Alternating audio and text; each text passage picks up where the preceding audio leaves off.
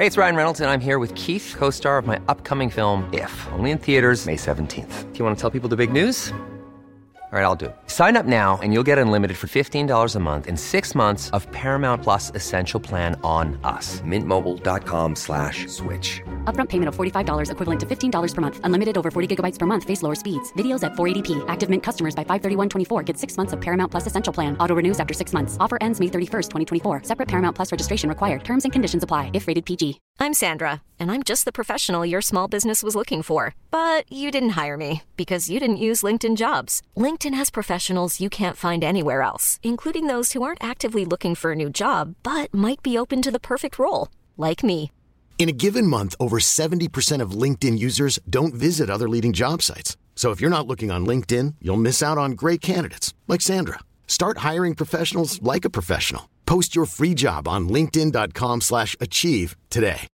Millions of people have lost weight with personalized plans from Noom, like Evan, who can't stand salads and still lost 50 pounds. Salads, generally, for most people, are the easy button, right? For me, that wasn't an option. I never really was a salad guy. That's just not who I am. But Noom worked for me. Get your personalized plan today at Noom.com. Real Noom user compensated to provide their story. In four weeks, the typical Noom user can expect to lose one to two pounds per week. Individual results may vary.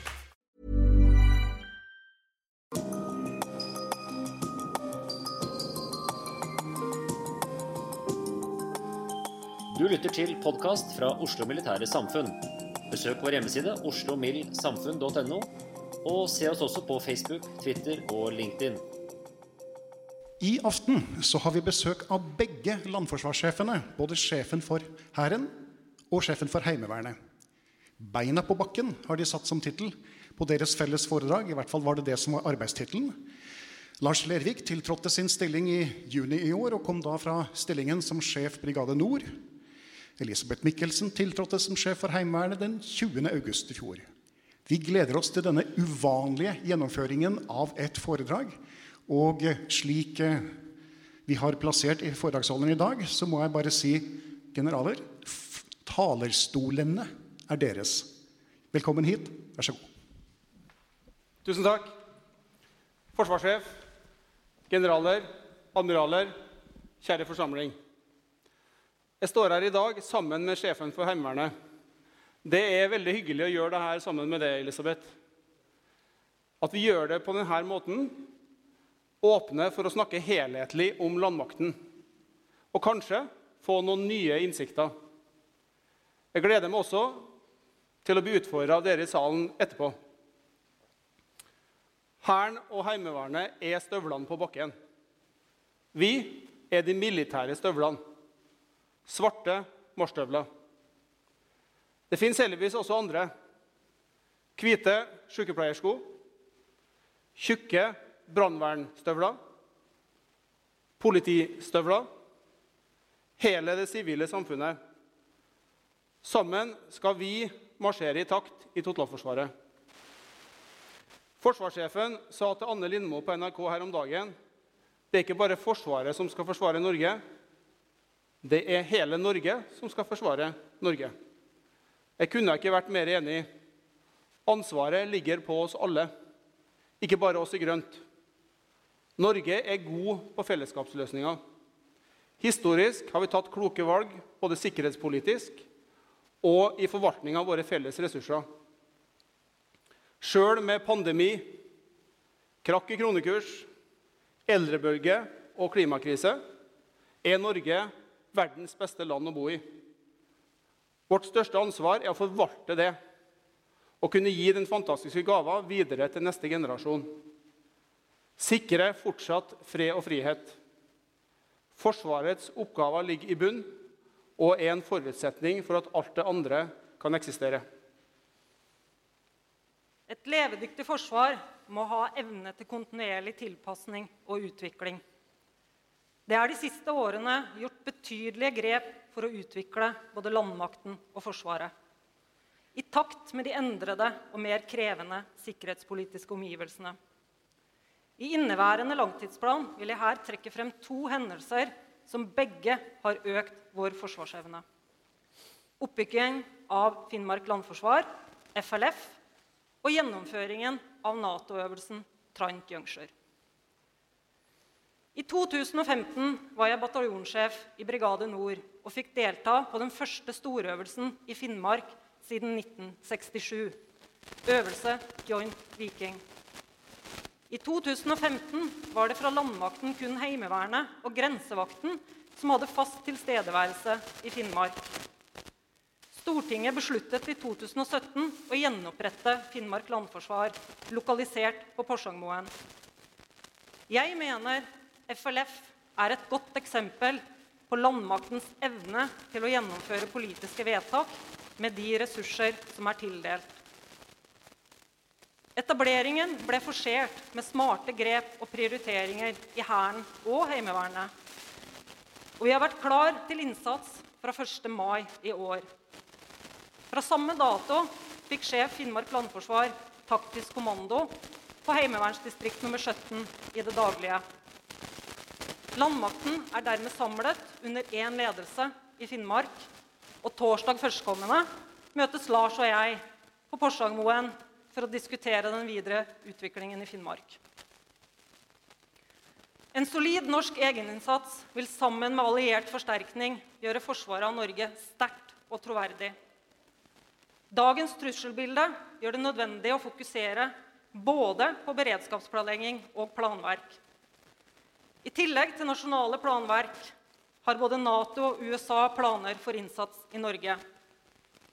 Denne allierte forsterkningen er en sentral del av Norges forsvarsplaner. Og skal planene være troverdige, er hjemlige tester nødvendig gjennom øvelser. For to år siden var ca. 50 000 soldater fra 31 allierte og partnernasjoner i Norge. De deltok i den største Nato-øvelsen siden den kalde krigen, øvelse Trident Juncture. Både de allierte forsterkningsplanene, nasjonale planer og Norges evne som vertsnasjon ble betydelig forbedret gjennom både planleggingen og gjennomføringen av øvelsen. Spesielt vil jeg trekke fram den positive utvikling av vårt totalforsvar. Videreutvikling av totalforsvaret står fortsatt sentralt. Spesielt viktig er vår nasjonale evne til situasjonsforståelse og håndtering når det gjelder sektorovergripende trusler.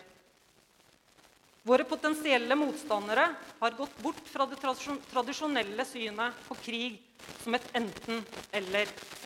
Deres virkelighet er kontinuerlig konflikt. Dette er en kamp der store deler av aktiviteten skjer i gråsoner, ofte i skjæringspunktet mellom sektorer, etater og lovverk. Eksempler spenner fra spionasje, snikmord, desinformasjon til valgpåvirkning og droneangrep. Men det kan også være langt mer tradisjonelle intervensjoner med divisjoner av mekaniserte styrker, strategiske bombefly og atomdrevne ubåter. I denne ny generasjon krigføring, som det ofte kalles, er ikke overgangene mellom fred, krise og krig lenger åpenbare. Og både Forsvaret og de sivile sektorene vil kunne rammes. Vi står og vil stå overfor et bredt spekter av trusler og utfordringer. Jeg vil benytte anledninga til å løfte frem et aspekt som ikke har fått stor plass i den norske sikkerhetspolitiske debatten atomvåpen og risikoen for bruk av dem i nordområdene. For ordens skyld så understreker jeg at jeg kun refererer til åpne kilder. 2.6 i år signerte Putin OKAS nummer 355. På norsk blir tittelen på dokumentet 'Den russiske føderasjons grunnleggende prinsipper for nukleær avskrekking'.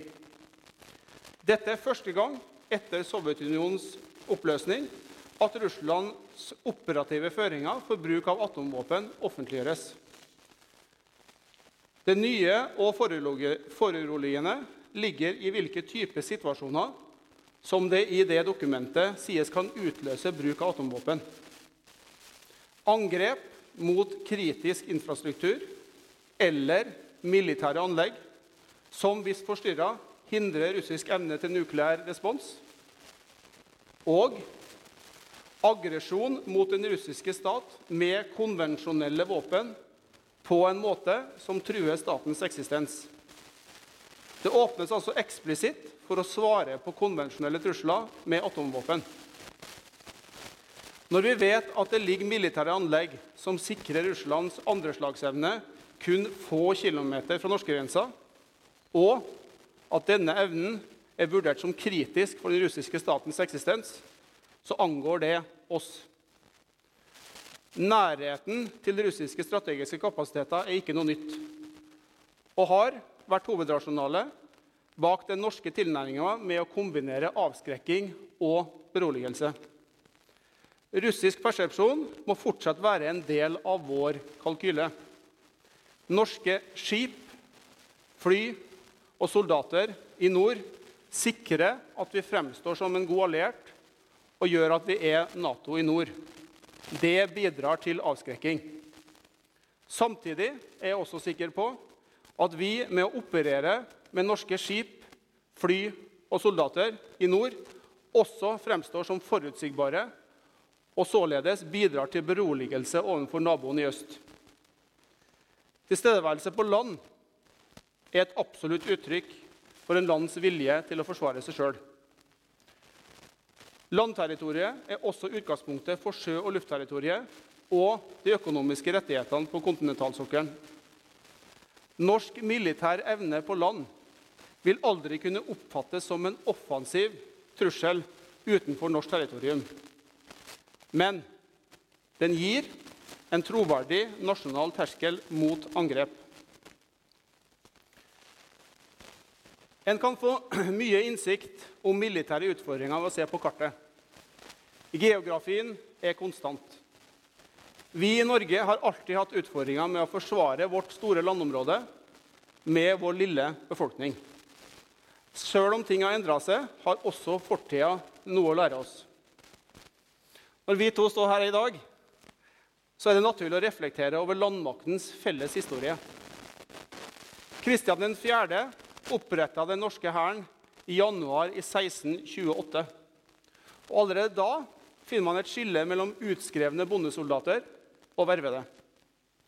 Bondesoldatene, ryggraden i hæren, skulle forsvare Norges territorium, mens de verva, og da spesielt offiserene, gjorde krigstjeneste også utenlands. Utenlandsdeployeringene var dyrt den gangen som nå. I perioden 1760 til 1779 var nesten halvparten av hæren deployert til hertugdømmene Slesvig og Holstein. Da brukte den norske staten 77% av statsbudsjettet på Forsvaret. Under den kalde krigen krøp kanskje budsjettet opp mot en 5-6% men det blir altså småpenger i forhold til hvordan det var på 1700-tallet. Allerede fra gammelt av hadde Hæren vært organisert i to forband linjen og landforsvaret. Med Grunnloven ble skillet mellom de to utskrevne og de stående styrkene formalisert. Og Da Grunnloven ble revidert etter unionsinngåelsen med Sverige, ble det inngått en kompromiss. Linjen skulle være den stående hæren som kongen kunne disponere fritt. Landvernet derimot skulle mobiliseres for forsvar av landet og var folkets soldater. Det slås ettertrykkelig fast i Grunnlovens paragraf 25 at landvernet og de øvrige tropper som ikke kan henregnes til linjetroppene, må aldri uten Stortingets samtykke brukes utenfor rikets grenser. Etter de siste dagers debatt om saken ser det heller ikke ut til å bli noen endring på det i denne paragrafen fremover. Landmakta har ofte også vært gjennom historien gjenstand for politisk kamp. Kanskje særlig tydelig mellom Karl Johan og Stortinget under unionstiden og mellom ulike politiske fløyer i mellomkrigstiden. I mellomkrigstiden sto striden mellom to ytterpunkter. Enten en ren profesjonell hær eller en folkemilits. Resultatet ble, som de fleste vet, en papirtiger med altfor stort gap mellom organisasjon og oppgaver på den ene sida og midlene til drift, trening og materiell på den andre. Det er altså ingen ny utfordring. Diskusjonene omkring utviklingen av landmakten har de siste tiårene hatt mange vinklinger. Verneplikt eller profesjonalisering. Tung eller lett. Territoriell eller mobil. Stort volum eller nisjekapasiteter. Debattene har ofte blitt polarisert, det ene fremfor det andre.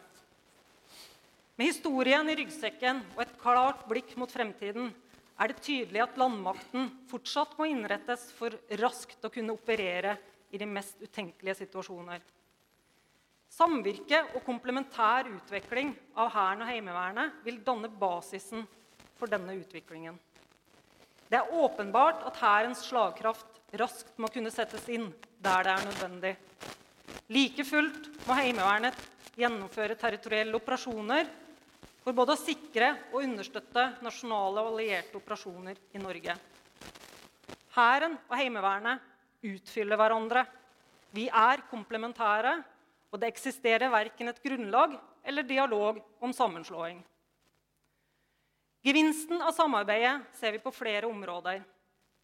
Det går en linje fra felles taktisk ledelse i Finnmark til pilotprosjektet vi gjennomførte i sommer der soldater fra bl.a. Garden ble utdannet til lagførere for Heimevernet underveis i sin førstegangstjeneste. Videre har sjefen for Heimevernets skole- og kompetansesenter nå en fast plass i sjefen for Hærens våpenskole sitt fagforum. Der det gir merverdi, tenker vi felles, uten at det skader vår egenart eller våre fokusområder. Jeg ser heller ingen fordeler med en sammenslåing av Hæren og Heimevernet. Heller tvert imot. Det er ulikhetene, som når vi evner å kombinere dem, som gjør oss best mulig i stand til å forsvare landet. Enhver selvstendig nasjon har et tidløst ansvar for å holde seg med et forsvar som gjør det i stand til å opprettholde egen suverenitet. Hvordan fienden oppfører seg og utvikling av sikkerhetspolitisk situasjon påvirker oss og hvordan vi innretter Forsvaret. Det fungerer selvsagt også motsatt vei. Enhver motstander vurderer hva han står overfor, og hvilke kostnader som er assosiert med forskjellige handlingsalternativ. Heimevernet har en stor verdi med sin evne til umiddelbare respons, lokalkunnskap og tette kobling til sivilsamfunnet. Jeg mener at Heimevernet også har et annet fortrinn Kanskje ikke like uttalt i de overordna målsetningene, men like fullt noen hver som vurderer okkupasjon eller andre offensive handlinger på norsk landterritorium, må ta med i vurderinga. Det er umulig å komme unna at det finnes en militær organisasjon i hele landet, desentralisert og med relativt flat struktur, som vil være der over tid. Sammen med plakaten på veggen er dette en type langsiktig kostnad som en potensiell aggressor vil måtte regne med å betale ned over lang, lang tid. Derfor spiller Heimevernet en spesiell og viktig rolle i vår samla forsvarsevne. Enhver motstander skal vite at Norge vil bli ei hengemyr, hvor både militære og sivile ressurser vil yte innbitt motstand. HV er overalt alltid. Først ute og lokalt forankret i by og bygd. Hæren har slagkraft og mobilitet. De kan vinne en trefning på land, ta og holde lende og skape forutsetninger for langsiktig sikkerhet. De tar også ansvaret internasjonalt og leverer bidrag til alliansen i utlandet. Dette er en type sikkerhetsvaluta der norske soldater står høyt i kurs. Dette kan Norge veksle inn i forpliktende sikkerhet her hjemme. Lars nevnte de gamle dagers landvern. En ting til som det er verdt å merke seg om landvernet, var at det besto av reserver. De ferskeste årskullene av soldatene som hadde tjenestegjort til linjen, utgjorde kjernen i landvernet og kunne enten benyttes for å løse landvernets oppdrag eller føres tilbake til linjen ved behov. Når vi ser hele verneplikten på 19 måneder under ett, kan vi trekke paralleller til historien. Allmenn verneplikt i 2020 er et viktig grunnlag for landmaktens operative evne. Og HV er helt avhengig av Hæren for å kunne opprettholde en styrkestruktur på 40 000 soldater. Med et årlig behov på 4000 soldater er det primært de som har gjennomført førstegangstjenesten i Hæren, som sikrer HV det årlige påfyllet. Tradisjonelt har her soldater fra Hæren vært på vent i mange år før de har blitt overført til Heimevernet. For Hans Majestet Kongens Garde og grensevakta er det nå beslutta at soldatene skal direkteføres til Heimevernet etter endt førstegangstjeneste. Dette vil gi en forutsigbar tilgang på soldater med fersk og riktig kompetanse, der de fleste fortsatt har syv måneder igjen av verneplikten, som kan brukes til årlig og trening og øving frem til fylte 44 år. Tanken om reserver for landmakten er som dere skjønner, gammel. Men samtidig er reserver den mest moderne og fleksible ressursen som finnes. De legger grunnlaget for et troverdig norsk forsvar med både kvalitet og kvantitet. Reserva er en skjult juvel som undervurderes av mange, sa den estiske presidenten Kersti Kajulaid på en konferanse nylig. Den sannheten begynner å gå opp for stadig flere moderne land med behov for større dybde og utholdenhet. Derfor har jeg gitt hærstaben oppdraget med å lage en plan for hvordan vi skal tenke nytt og offensivt om reservene i Hæren. Det skal ikke bare være fyll i en stykkestruktur. Reservene er en operativ og viktig del av Hæren. For å kunne utnytte reserven fullt ut må vi sikre at soldatene er utrusta riktig, vet hvilke avdeling de inngår i, og at vi har riktig kompetanse på riktig plass. Inspirert av Heimevernets innsatsstyrker skal vi også se på nye og fleksible bemanningsløsninger. Erfaringer med reserver både her hjemme i tidligere tider og i Europa i dag viser at de systemene øker utholdenhet, og at reaksjonstida fortsatt kan være tilfredsstillende når det kombineres med en troverdig stående struktur. Reservistene, hvis organisert effektivt og utnytta på en fleksibel måte i tett dialog med viktige kunnskapsmiljø, kan tilføre Hæren verdifull sivil kompetanse. De tar også med seg ny og relevant kompetanse tilbake til sitt daglige virke. Reserva er og blir en viktig del av Hæren som vi og våre potensielle motstandere må regne med. Reservister fyller viktige funksjoner i Forsvaret, og utviklingen tyder på økt bruk av reservister i tiden fremover. Avdelingene bestående av reservister er kosteffektive og har stor forsvarsvilje som regel. Men vi må ikke forledes til å tro at dette er en gratisløsning. Reservister med manglende kompetanse, uten nødvendig materiell og uten kompetent ledelse er ikke effektive militære avdelinger. Reservister må ikke bare bli et tall, men må ses på som et system. Heimevernet har helt siden opprettelsen i 1946 bestått av reservister. Tilførsel av troppeførerkompetanse på spesielt lag- og troppsnivå er i dag en utfordring som krever fokus. De siste store kullene fra krigsskolene og befalsskolene begynner å bli godt voksne og er i ferd med å avslutte sin verneplikt. Men det er for få til å ta over. Dagens produksjon av troppeførere tar ikke høyde for behovene i Heimevernets styrkestruktur. Med et årlig behov på 400 nye lagførere er resultatet at HV i dag mangler formalkompetanse på ca. 1000 av våre 4000 lagførere. Systemet er ikke bærekraftig, men som dere skjønner, er problematikken godt kjent og analysert. HV jobber nå på mange fronter, både internt og eksternt, for å løse utfordringen. I løpet av 2021 forventer jeg at prosesser og metoder som både tetter gapet og sikrer jevnlig tilgang av troppeførere, er identifisert. Viktig i denne utviklingen er både Forsvarets personell- og vernepliktssenter og Forsvarets høgskole sammen med styrkeprodusentene, og da spesielt Hæren. Arbeidsgiverne til heimevernssoldatene er også en viktig bidragsyter til forsvarsvilje. Og viktig for et velfungerende reservistsystem. Det kan være krevende når deres beste kvinner og menn blir kalt inn til øvelse i Heimevernet. Men i retur får de soldater og befal med unik kompetanse. For å synliggjøre Heimevernets tilstedeværelse og anerkjenne både heimevernssoldaten og arbeidsgiverne vil jeg oppfordre alle heimevernssoldater til å bære sin militære uniform på jobben den 4. desember i år på hashtag uniform på jobben-dagen.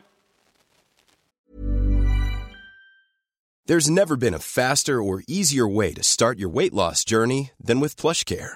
PlushCare accepts most insurance plans and gives you online access to board-certified physicians who can prescribe FDA-approved weight loss medications like Wigovi and Zepbound for those who qualify. Take charge of your health and speak with a board-certified physician about a weight loss plan that's right for you. Get started today at plushcare.com slash weight loss. That's plushcare.com slash weight loss. plushcare.com slash weight loss. Hiring for your small business? If you're not looking for professionals on LinkedIn, you're looking in the wrong place. That's like looking for your car keys in a fish tank. LinkedIn helps you hire professionals you can't find anywhere else, even those who aren't actively searching for a new job but might be open to the perfect role. In a given month, over 70% of LinkedIn users don't even visit other leading job sites. So start looking in the right place. With LinkedIn, you can hire professionals like a professional. Post your free job on linkedin.com slash achieve today. Jeg vil også løfte frem soldatene som er inne til førstegangstjeneste. Reservister og verneplikten er mekanismer som i kombinasjon kan gi oss troverdig utholdenhet og en styrkebrønn som fungerer, til tross for at vi er et høykostland. Verneplikta gir oss noe helt unikt. Vi har en mulighet som svært få andre land har, til å velge fremtidens soldater fra toppsjiktet i hvert årskull. Våre soldater, enten de tjenestegjør i Hæren, Heimevernet eller andre steder i Forsvaret, er blant de smarteste, flinkeste og best motiverte unge kvinner og menn i hele verden. I løpet av førstegangstjenesten får de opplæring som gjør at de kan bemanne avanserte våpensystem, og hvis det kreves, kan ta sin plass i striden. Førstegangstjenesten fokuserer ikke bare på ferdigheter. Minst like viktig er utvikling av holdninger. Det gjør at den stående delen av Hæren og reserven består av godt trent personell som kan ta egne, gode avgjørelser når det gjelder. Det gjør at jeg stoler på at norske soldater tar etisk riktige valg. General Jim Mattis fremhever også det i sin tale på årets Army Summit. Det er førstegangstjenesten som gjør at vi kan ha en landmakt av langt høyere kvalitet enn innbyggertallet vårt skulle tilsi. I tillegg så gir verneplikten oss en annen og kanskje litt mer udefinerbar verdi. Den knytter Forsvaret og folket sammen. Det gir forståelse, legitimitet og tillit. Verneplikt er derfor nødvendig for å opprettholde en levedyktig forsvarsstruktur i et land som vårt. Som vi var inne på tidligere, så er det stor grad av overlapp og felles utnyttelse av soldater mellom oss to. Elisabeth. Det er et samarbeid som fungerer bra, og sånn skal det være. Som forsvarsgrensjef hviler det også et overordna ansvar på meg for soldatene i styrkestruktur og produksjonsstruktur i både Hæren og Heimevernet. Jeg skal sende de beste til HV. Og det er ikke bare soldater som har fullført førstegangstjenesten, men også befal og offiserer som skal være ansatt i Heimevernet til daglig. Etter en periode i Heimevernet kommer de så tilbake igjen til Hæren og resten av Forsvaret med verdifull kompetanse og ny forståelse for våre felles utfordringer. Som du vet, Lars, ser vi i Heimevernet allerede nytten av den utvekslinga du beskriver. Og du skal få dine dyktige kvinner og menn tilbake. Dette vil sikre ansatte med økt forståelse for helheten i landmakten, noe som vil være avgjørende for et godt samvirke. Det er Heimevernet som i dag utgjør Norges territorielle landforsvar. Oppgaven ble overført fra Hæren i 2006, da Hærens territorielle regimenter ble lagt ned. Heimevernets egenart bygger i tillegg på de samme prinsippene som ved etableringen for snart 74 år siden. Lokale, raskt mobiliserbare styrker som kjenner hverandre, terrenget, lokalbefolkningen og normalsituasjon i sitt område. Mange av våre HV-soldater har i tillegg sivil kompetanse og et formidabelt nettverk i sitt lokalsamfunn, som på en unik måte bidrar til å løse både små og store utfordringer. Territorielle operasjoner er Heimevernets viktigste bidrag i landmakten. Hva betyr så dette? Territorielle operasjoner er viktig både for vår nasjonale evne til å gjennomføre fellesoperasjoner samt motta allierte forsterkninger. Heimevernet som landsdekkende organisasjon bidrar til situasjonsforståelse, sikrer kritisk viktig infrastruktur samt er ansvarlig for samordning og samvirke i totalforsvaret fra militær side, både lokalt og regionalt. Alt dette havner under paraplyen territorielle operasjoner for å sikre oss en helhetlig utvikling av territorielle operasjoner i dagens forsvar vil vi innen sommeren 2021 ha et nytt konsept på plass. Det nye konseptet for territorielle operasjoner vil også ta inn over seg funnene i den pågående FFI-studien HV mot 2030 og adressere bl.a. metode for ivaretagelse av territorielle operasjoner i kystsonen. Hæren har i løpet av de siste åra blitt tilført mer personell. Vi har vokst med rett i underkant av 300 årsverk. Med disse, og for å møte de nye utfordringene vi står overfor, har Hæren gjort mye. Vi forserte oppbygginga i Finnmark med flere år. Og vi har styrka tilstedeværelsen i Finnmark med flere hundre soldater. Hæren har også gjort betydelige grep for å styrke reaksjonsevnen og Vi har derfor nå avdelinger som kan settes inn i løpet av timer og dager, og ikke uker og måneder. Vi har også starta arbeidet med å bedre utholdenheten gjennom oppbygging av forsyninger i tett samarbeid med Forsvarets logistikkorganisasjon. Samla sett har det vært en viktig og riktig utvikling. Hva som skal prioriteres fremover for Hæren, vil være gjenstand for diskusjoner og beslutninger i Stortinget utover høsten. Men basert på forsvarssjefens fagmilitære råd og det som er uttalt offentlig, er jeg sikker på at Hærens operative evne skal styrkes, og at Hæren skal vokse. Hvis oppdraget kommer, kan vi i Hæren raskt iverksette en rekke tiltak for å øke den operative evnen.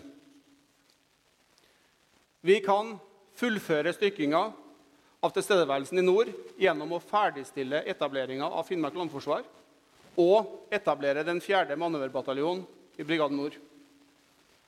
Vi kan styrke reaksjonsevnen for innsats både hjemme og ute ved å etablere en komplett mekanisert brigade med høy oppsettingsgrad. Det gjør også at vi møter det viktigste målet Nato har satt for Norge, og således bidrar til alliansens samlede operative evne. Og vi kan øke utholdenheten gjennom å modernisere bruken av reserver og sikre at vi har tilstrekkelig med logistikk. Nytt materiell krever ny kompetanse, men det gjør gammelt materiell også. Likhet i materiell og utrustning er en viktig faktor for en effektiv utnyttelse av hele verneplikten. Systemet med at Heimevernet arvet fra en stor mobiliseringshær, er ikke lenger relevant. Materiell er brukt opp når det utfases fra Hæren. I dag sitter vi med flere materiellprosjekter som ikke er fullfinansiert, og dermed ikke leverer tilstrekkelig volum for å dekke Heimevernet sitt behov. Resultatet er krevende for en reservistorganisasjon som Heimevernet, både kompetansemessig og logistisk. Forsvarssjefen la for et år siden frem sitt fagmilitære råd som innspill til den nye langtidsplanen for forsvarssektoren. For Heimevernet viste det fagmilitære rådet først og fremst behovet for å opprettholde fokus på å få det vi har, til å virke enda bedre. Som eksempelvis fullfinansiering av materiellprosjekter som Volkswagen Amarok og maskingevær, samt en viss styrking av stabene for å forvalte en økt desentralisering. For Hæren legges det opp til en betydelig styrking. En styrking som jeg som sjef for Heimevernet støtter fullt ut. Selv om det begynner å bli lenge siden det fagmilitære rådet, er signalet om en brigade til viktig. Det fagmilitære rådet søker å reetablere et forsvar i god balanse mellom land-, sjø- og luftstridskreftene, med evne til fellesoperasjoner både alene og sammen med allierte. Økt volum både på stående styrker og reserver i Hæren er en tvingende nødvendig ambisjon for å løse de oppgavene. Meldingen totalt er tydelig. Det er behov for vekst, både personell, strukturmessig, materiell og tilhørende eiendom og bygg og anlegg. Det er mulig å vokse raskt. Og dette burde startet allerede nå. Her venter vi spent på ny langtidsplan. Det handler nå om politisk vilje. Jeg er i den heldige posisjon at det er sterk konkurranse om å få jobbe i Hæren. Lenge før det var snakk om covid-19 og krise i arbeidslivet, hadde vi opptil ti soldater som søkte per stilling i Hæren. Det er flotte folk. Kremen av norsk ungdom. Jeg er stolt når jeg møter dem, og glad for at de vil være med på laget. Forsvaret iverksetter nå også målretta tiltak for å beholde det høykompetente personellet vi har. Og Samla sett gjør det meg trygg på at vi, når oppdraget kommer, kan vokse raskt. Det er også positive endringer innenfor materiell. I forrige uke fikk Hæren tilført våre fire første nye artilleriskyts av typen K9. Artilleri er ett av våre to hovedvåpen.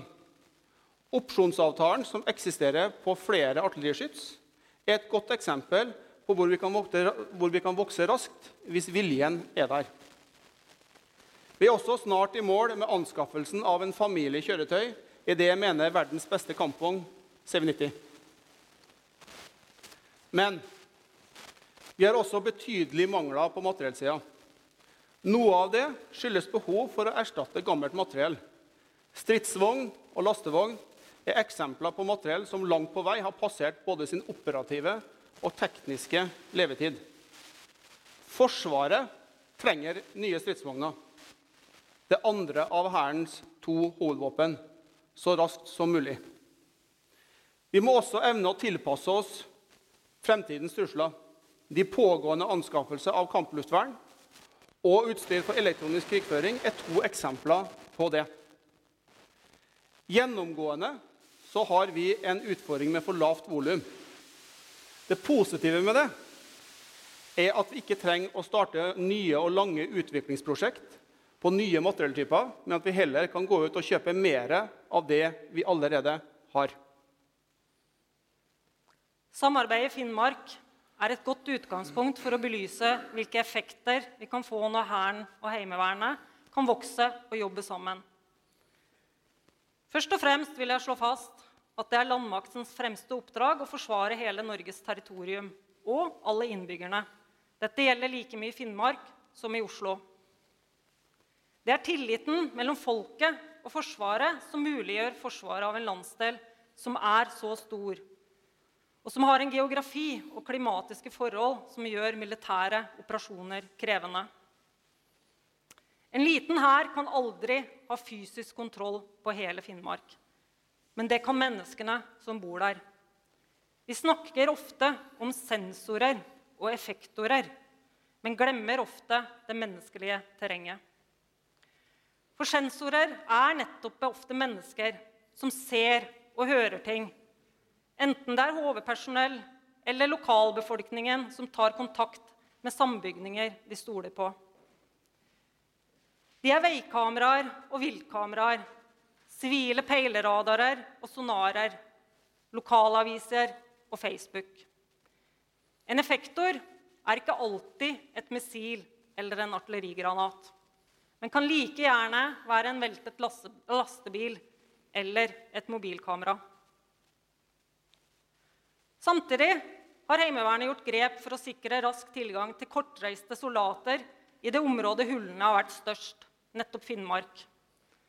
Heimevernet starta sommeren 2019 opp en seks måneders førstegangstjeneste på Porsangmoen. Hensikten er å fylle opp strukturen til vårt heimevernsdistrikt nummer 17 med lokale, godt trente heimevernssoldater. Utdanningen av de to første kullene har vært en suksess, og prosjektet videreføres så lenge det er behov, i første omgang ut 2022. Finnmark heimevernsdistrikt nummer 17 er en vesentlig del av Finnmark landforsvar. Operasjoner i Finnmark vil være svært krevende. Uten Heimevernets lokalkunnskap, forsvarsvilje og tillit i befolkningen helt umulig. I Finnmark landforsvar har vi integrert landmakten under en felles operativ kommando. Det gir oss en langt bedre evne til å samordne våre ressurser med Forsvarets øvrige kapasiteter, og ikke minst koordinere tett med sivile ressurser som fylkesmann og politimester. Dette er samvirke i praksis. I den lavere delen av konfliktskalaen vil det hovedsak være Heimevernet som støtter sivile myndigheter. Men Hæren vil selvsagt også bistå ved behov. I den øvre delen av konfliktskalaen vil det være Hærens avdelinger som står for hoveddelen av stridshandlingene, mens Heimevernet sørger for å sikre kritisk infrastruktur, viktige områder og akser i samarbeid med sivile myndigheter. Kombinasjonen av Heimevernets volum og lokalkunnskap med Hærens mobilitet og slagkraft gjør at vi har et betydelig hjemmebanefortrinn. På hjemmebane skal vi gjøre alt for å avskrekke en motstander og hvis nødvendig møte motstanderen på landjorda. Det krever evnen til å slå knallhardt tilbake og over tid gjennomføre strid mot en motstander som har betydelige mengder med stridsvogner, panservogner, artilleri, helikopter og en rekke andre moderne kapasiteter.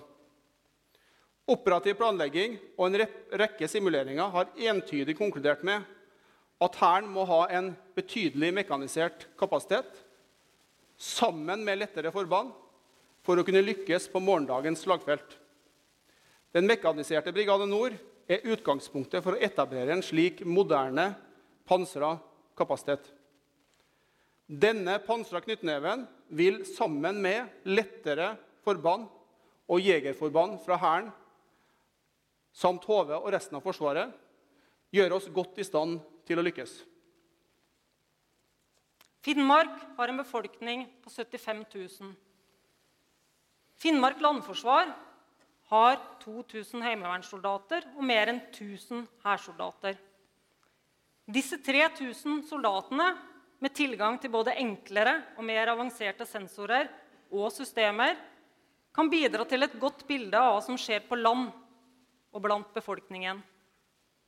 Tilliten mellom sivilbefolkningen og militære avdelinger bygges i fredstid, og sterke bånd knyttes for krise og krig.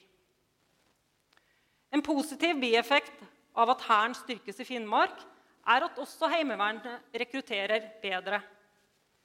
For første gang på svært mange år er distriktsstaben i Heimevernsdistrikt nummer 17 fullt bemanna. Dette viser at Porsangermoen fremstår som et spennende tjenestested hvor man kan gjøre karriere i mange år.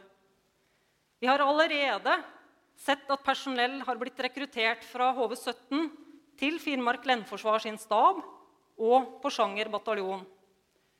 På lang sikt kan dette bidra til bedre rekruttering av finnmarkinger til Forsvaret, og at forsvarspersonell bosetter seg i landsdelen. Dette vil, eh, dette vil ytterligere forsterke knytningen mellom folk og forsvar. Når det kommer til forsvaret av Norge, har vi som folk og nasjon én klar styrke, og det er soldaten vår. Under de innledende kampene våren 1940 var det mye som sviktet i det norske forsvaret, men ikke soldaten. Viljen til å kjempe og viljen til å ofre livet i forsvaret av landet var der hos alle dem som møtte overmakten med utrangerte våpen og svak ledelse. Og den kampen fortsatte i samfunnet vårt gjennom hele okkupasjonen. Jeg er helt sikker på at den viljen er like sterk i dag. Og jeg vet at våre soldater, fra vernepliktige og stående mannskaper til reserver, til lokale heimevernsavdelinger og totalforsvaret og resten av det sivile samfunnet, vil stå sammen hvis dagen skulle komme og vi må igjen forsvare landet vårt. Den dagen kan komme hvor vi igjen må forsvare Norge med våpen i hånd. Landmakta har gjennom historien forsvart landet vårt ved flere anledninger, og ikke minst sørga for at motstander har avstått fra å angripe landet. Landmakten, Hæren og Heimevernet skal sammen sørge for at vi er rusta til å møte en mer usikker fremtid. Det er billig forsikring. Jeg har en urokkelig tro på den norske forsvarsviljen. Men vi må også huske på forsvarsevnen. Det betyr at vi må opprettholde og styrke landmakten, verne om den, slik at den igjen kan verne landet. For å forstå denne fremtiden må vi også tenke sammen. Derfor annonserer vi nå et felles landmaktsforum som vil eh, bli gjennomført i løpet av 2021. Følg med. Det skal stilles krav til oss. Vi er tross alt gitt en enorm tillit.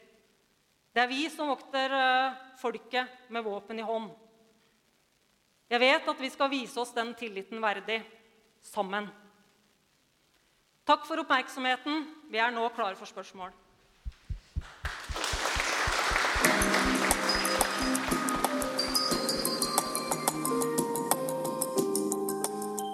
Du har hørt podkast fra Oslo Militære Samfunn. Besøk vår hjemmeside oslomildsamfunn.no, og besøk oss gjerne på sosiale medier som Facebook, Twitter og LinkedIn.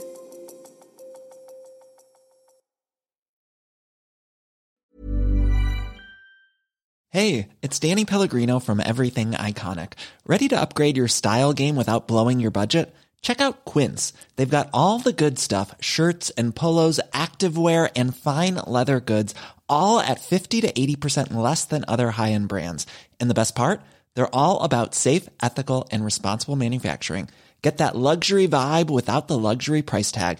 Hit up quince.com slash upgrade for free shipping and 365 day returns on your next order. That's quince.com slash upgrade.